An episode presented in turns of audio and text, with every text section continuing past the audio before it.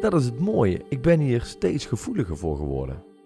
Hoe meer ik weet over beïnvloeding.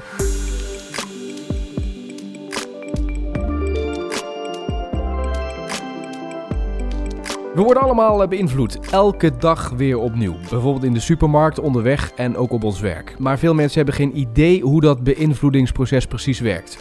Dat is een gemiste kans, want wie de regels van beïnvloeding kent en ook goed toepast, is succesvoller, gelukkiger en verdient meer. Richard Jansen is veelgevraagd spreker en illusionist. Hij hielp de omzet van veel bedrijven stijgen door ze bewust te maken van die beïnvloeding. En in deze podcast deelt hij het geheim van beïnvloeding. Mijn naam is Tom Jesse en ik spreek dus met Richard Jansen. Richard, welkom. Dankjewel. Spreker en illusionist ben je. Hoe ben je op dat pad terechtgekomen? Nou, dan moeten we de volgorde in dat scenario moeten we de volgorde omdraaien. Want dat was natuurlijk eerst illusionist. En de interesse begon eh, toen ik toch een jaar of 14, 15 was. Eh, mijn grote voorbeeld toen was, eh, was, was Hans Kazan, die toch elke week op tv kwam. En ehm, ja, wat hij deed, hij kon dus mensen sturen naar iets wat ze, waar ze naar moesten kijken. Zodat hij met de andere hand dingen kon doen die ze niet mochten zien. Nou ja, dat was natuurlijk al ding 1 van beïnvloeding. Toppunt van beïnvloeding eigenlijk. Ja, Ja. absoluut. Had je dat toen op dat moment door, toen je daar zat te kijken? Toen dacht ik alleen, dat wil ik ook. Ja. Toch mooi, dat, dat, dat je mensen zo kunt sturen. Laten we eens eventjes gaan kijken hoe dat precies werkt. Hè. We gaan goed proberen uit te leggen hoe het beïnvloedingsproces werkt. Eh, er zijn een aantal elementen zijn daar belangrijk in. Die gaan we stap voor stap even bespreken. En we beginnen even met, misschien wel heel erg logisch, communicatie. Dat gebeurt natuurlijk iedere keer. Ook in dat beïnvloedingsproces zijn er twee partijen, A en B, die met elkaar eh, eh, communiceren. Die ook de informatie van buitenaf op een bepaalde manier binnen laten komen. Hoe werkt dat precies, die, die communicatie met elkaar en ook wat binnenkomt en wat misschien niet binnenkomt? Dat is een interessante vraag. Want daar begint eigenlijk het hele gebeuren mee natuurlijk. Je kunt mensen pas beïnvloeden als je ook weet hoe er, hoe er communicatie eh, plaatsvindt, als het ware. Bij communicatie is al, allereerst eh, eh, belangrijk hoe jij dingen tot je neemt.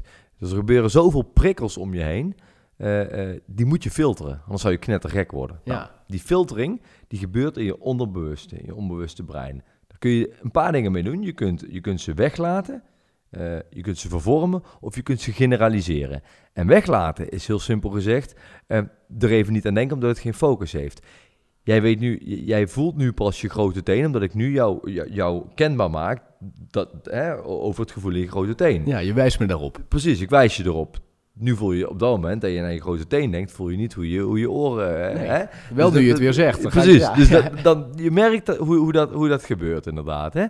Ehm, je kunt het inderdaad ook eh, vervormen. Eh, dat betekent dat je sommige situaties tot je neemt en dat je het eigenlijk heel snel als het ware vervormt naar een eigen situatie. En dat is ook zo mooi ehm, eh, en, en eigenlijk ook tevens heel bizar. Als jij bijvoorbeeld mensen vraagt om een situatie na te vertellen, dat vijf mensen bij wijze van spreken die dezelfde situatie gezien hebben, dat- toch eigenlijk hun eigen verhaal aan vertellen natuurlijk. Hè? Weet je het voorbeeld van ik vertel jou een verhaal, jij vertelt het weer aan Ja. iemand anders en aan het einde van de Het is reeks... een totaal ander Ja. verhaal. Je, ma je maakt je eigen, eigen idee ervan.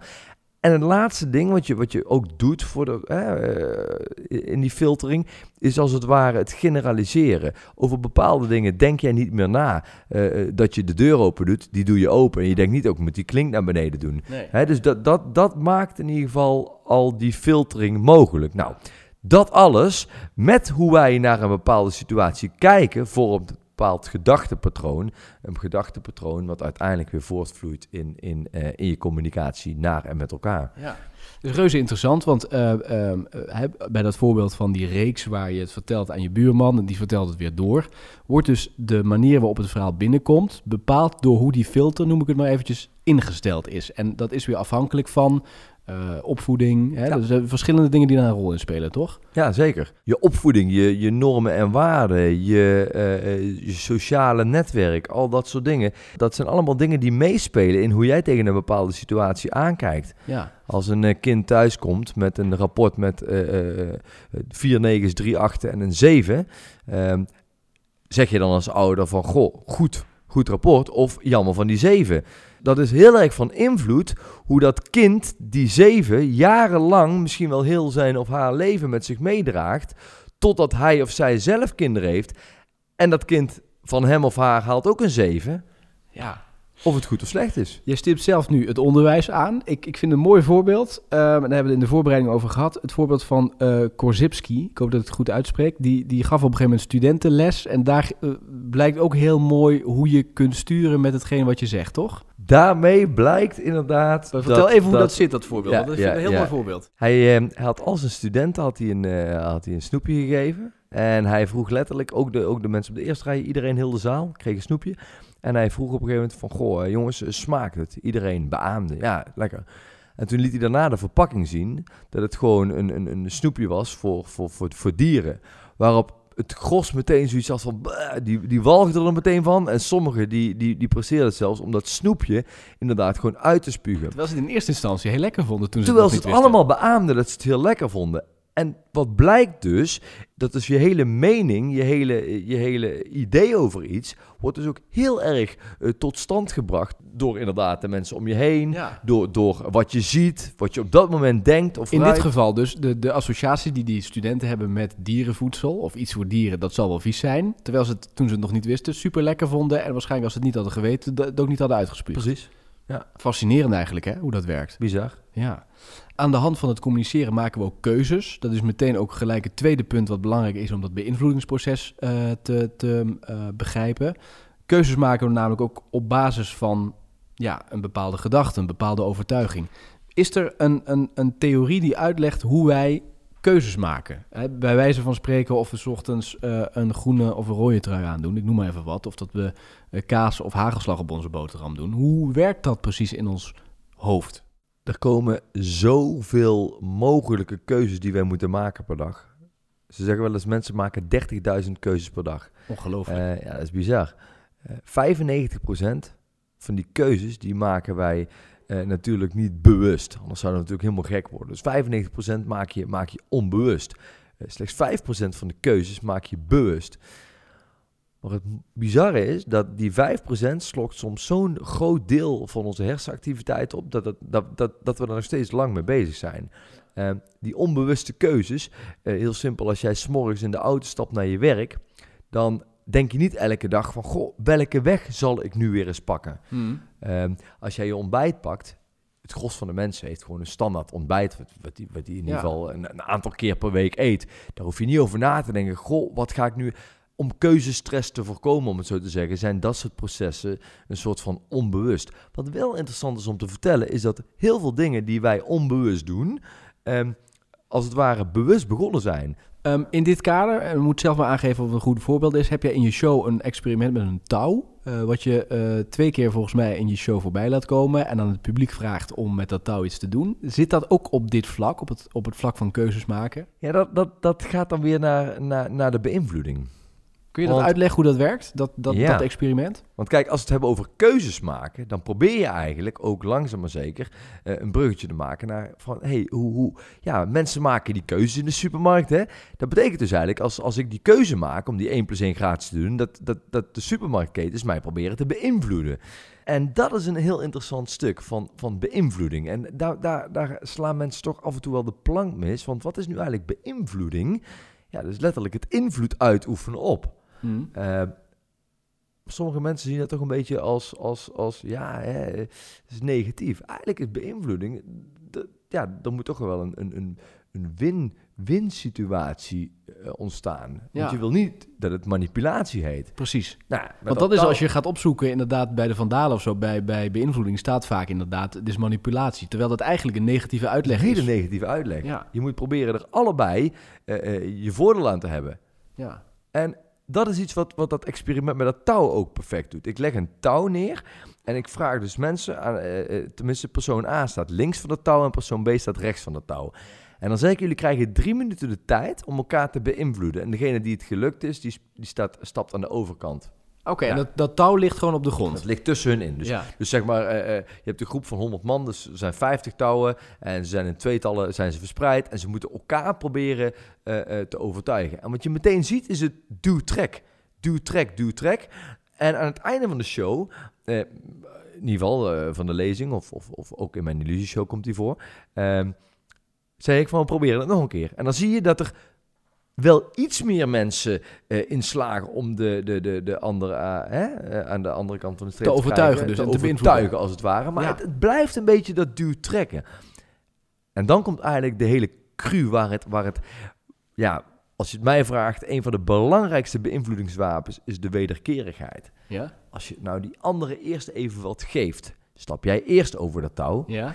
En daarna neem je het allebei terug en dan stappen jullie samen aan de andere kant. Ja. En dan is er niet één winnaar, maar dan ben je beide winnaar. Dat is een heel mooi voorbeeld. Een producent van kattenvoer bijvoorbeeld. Hè? Ja. Die, had een, uh, die had een adviestool waarbij dus mensen, letterlijk dus, dus, dus eigenaren van katten, die konden gratis advies inwinnen op die site over wat de beste voeding was voor een kat. Ja. Nou, zij gaven ding 1. Ze konden zelfs een sample aanvragen. Ja.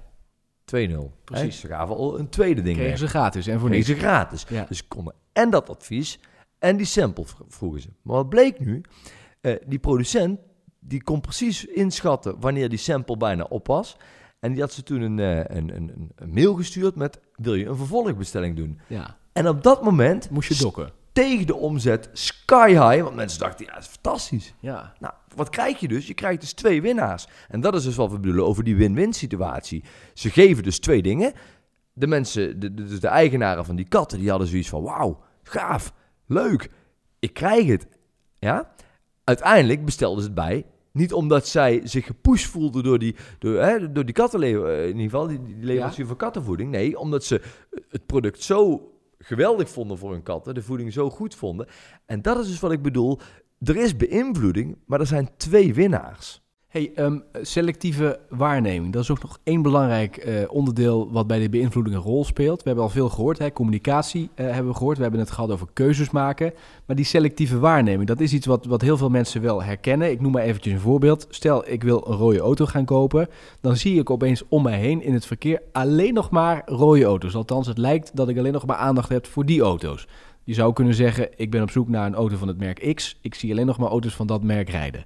Hoe werkt dat? Wat, wat gebeurt er in, in ons brein? Want dat is weer iets anders dan keuzes maken, toch? Dat is weer iets anders dan keus maken. Je zou bijna kunnen zeggen, is ook weer een stukje beïnvloeding natuurlijk. Maar wat jij net noemde, dat, heeft een, eh, dat is, een is een bekend voorbeeld. En dat eh, noemen ze namelijk het eh Bader-Meinhof-fenomeen. Ja. En dat is, dat, is, dat is heel typisch hoe dat kan. Dat je inderdaad, op het moment dat jij, dat een vrouw zwanger is, zegt, ja, ik zie alleen maar mensen, mensen om zich heen die zwanger zijn. Nou, dat heeft ook weer een beetje te maken met die filtering. Je hebt een bepaalde focus. Je kunt je niet overal op focussen. Waar heeft die focus mee te maken?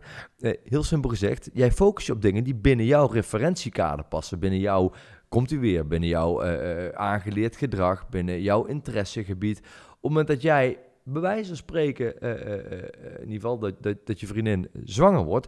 En de reden dat ze alleen nog maar mensen ziet die zwanger zijn, is omdat zij zich misschien onbewust, dan wel bewust, eh, eh, meer inlaat met mensen die zwanger zijn. Ze gaat meer naar plekken toe eh, eh, eh, waar, waar- zwangerschapskleding Ja. enzovoorts gekocht Je worden. stelt eigenlijk je eigen filter Ja. in door de omgeving waar je in rondloopt, maar ook wat je voor ogen hebt. Je focus, je referentiekader op dat moment. Hm. als het ware. Mooi onderzoek. Ik had er straks over vraag vijf mensen. Nou, dat kun je ook bij dit voorbeeld weer doen.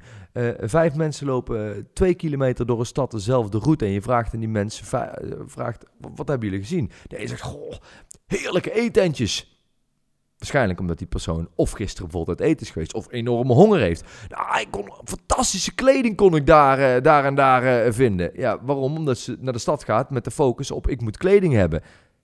En dat is dus inderdaad selectieve waarneming. Dus, dus, dus je kunt je niet op alles focussen. Ander voorbeeld, ehm, dat is schaarste. Hè? Schaarste is ook een voorbeeld waarmee je mensen kunt beïnvloeden. Een hele gevaarlijke. ja, hoe werkt dat precies? Ja, dat, dat, dat trappen we allemaal in. Zelfs ik weet hoe het werkt. En ik denk dan...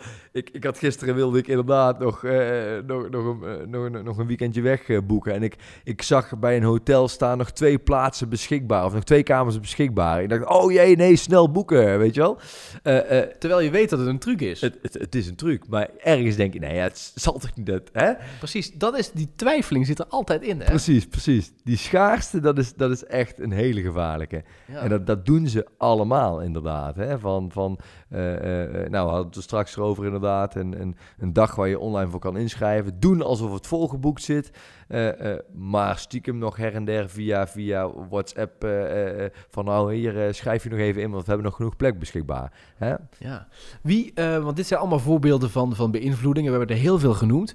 Wie passen wat jou betreft die beïnvloedingswapens, zo noem ik ze maar eventjes, het beste toe? Wie zijn daar echt meesters in? Nou ja, heel simpel gezegd, eh, eh, natuurlijk supermarktketens.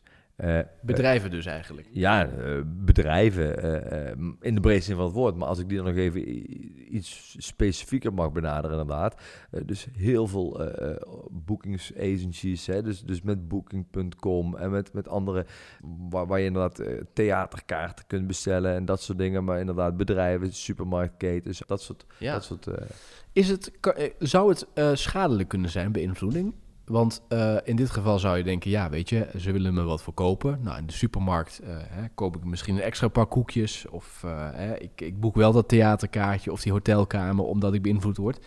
Maar, maar zijn er ook voorbeelden waar, waar je echt kunt spreken van um, dat het schadelijk is? Of moeten we, moeten we die hoek helemaal niet opgaan? Wil ik eigenlijk drie, drie, drie type, types aan, aanstippen.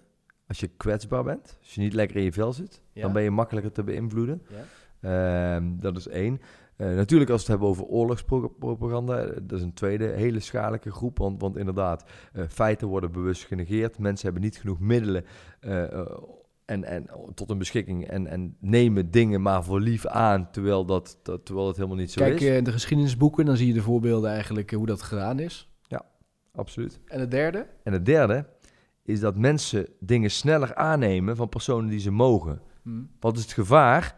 Uh, uh, ja, we hebben het gezegd, hè, de, de, sociale bewijskracht is natuurlijk, kan natuurlijk een positief, positief, uh, positieve invloed hebben, maar het kan ook een negatieve ja. invloed hebben natuurlijk. Dus als je mensen heel graag mag, beïnvloed je daarin elkaar weer en, en dan, dan kun je soms wel eens je kritische blik kun je verliezen. Of, heel simpel, um, mensen die kwaad willen, uh, die kunnen ook mensen heel snel voor een kannetje spannen om, om mee daarin te gaan in Ja. dat, uh, dat gebeuren. Dat is de logische vervolgvraag ook. Kun je er, en jij bent expert op dit gebied, kun je er tegen wapenen? Je zei zelf al heel mooi van ja, ik weet hoe het werkt en toch trap ik er iedere keer weer opnieuw in. Dan is meteen de vraag, kun je iets doen om je er tegen te wapenen? En dan stel ik meteen ook de vervolgvraag, moet je dat willen? Want misschien is het ook wel lekker om beïnvloed te worden, omdat het eigenlijk ons leven bepaalt. Ja, weet je wat het is? Echt wapen is niet nodig. Ben je, ben je bewust dat je beïnvloed wordt? En uh, als je er bewust van bent, is het prima. Natuurlijk zijn er van die, van die standaard dingen die iedereen wel kent. Van ga niet met honger boodschappen doen, want dan laat je je kar veel voller. Um, maar goed, uh, heel simpel gezegd, het gebeurt gewoon. Ja. Je bent bij honderden bedrijven per jaar ben je op bezoek om dit verhaal te vertellen. Uh, die mensen um, die zijn vaak nog niet zo ver hè, in dit beïnvloedingstraject. Maar wat zeggen ze na afloop? Als je bijvoorbeeld, hè, je hebt je verhaal daar verteld, mensen gaan daarmee aan de slag. Wat hoor je dan terug dat er veranderd is in het bedrijf of de organisatie? Nou ja, kijk, ze, ze, ze, uh, allereerst, passen dus de tips heel goed toe van, van, uh, van hoe werkt inderdaad dat, dat stukje van wederkerigheid, uh, inderdaad de schaarste. En ze proberen zelf proactief dus weer nieuwe manieren te ontwikkelen van hey, hoe kan, dit, hoe, hoe kan ik nu naar mijn klanten toe bijvoorbeeld mijn woordkeuze zo veranderen dat het, dat het niet meer te pusherig wordt. Of dat ik misschien eerst een keer wat geef en daarna wat, wat terugkrijg. Soms is de valkuil om ongeduldig te zijn en meteen willen dat ze happen. Maar soms is het juist ook de relatie. Want wat we dus straks al investeren. zeiden, investeren ja. in een relatie van iemand die ik mag, neem ik meer aan. Hè, dan, dan inderdaad van iemand die ik, uh, die ik niet mag. Dat zit ook natuurlijk weer uh, in, in dat stukje van beïnvloeding. Dus, dus investeer eerst in de relatie en je krijgt er zoveel meer voor terug. En ik merk dat dat vaak wel een, een, een winstpunt is die, uh, die bedrijven toe gaan passen. Wat is het grootste misverstand wat jij tegenkomt over dit onderwerp in de markt? Dat, dat er een hele negatieve sfeer bij zit. Beïnvloeding, oh, dat is per definitie fout. Terwijl we dus straks gezegd hebben, beïnvloeding is juist de win-win situatie. Iedereen kan iemand bedenken in een bedrijf uh, uh, die jij kunt gebruiken, of waarbij je elkaar kunt gebruiken, om elkaar sterker te maken. En als je meteen zegt van, ja, ja, maar jij wil iets van mij, en nee, dan is het manipulatie. Ja. Ik vind het mooie slotwoorden, Richard. Ik denk dat we alle elementen genoemd hebben die bij beïnvloeding uh, komen kijken. Ik wil je heel hartelijk danken voor je geweldig inspirerend en mooie verhaal. Graag gedaan. Jij bedankt. Tot zover ook deze podcast, De Kracht van Beïnvloeding. Over hoe je nu als bedrijf gebruik kunt maken van de wapens van beïnvloeding. Kijk dan eventjes op de site motiverendspreken.nl.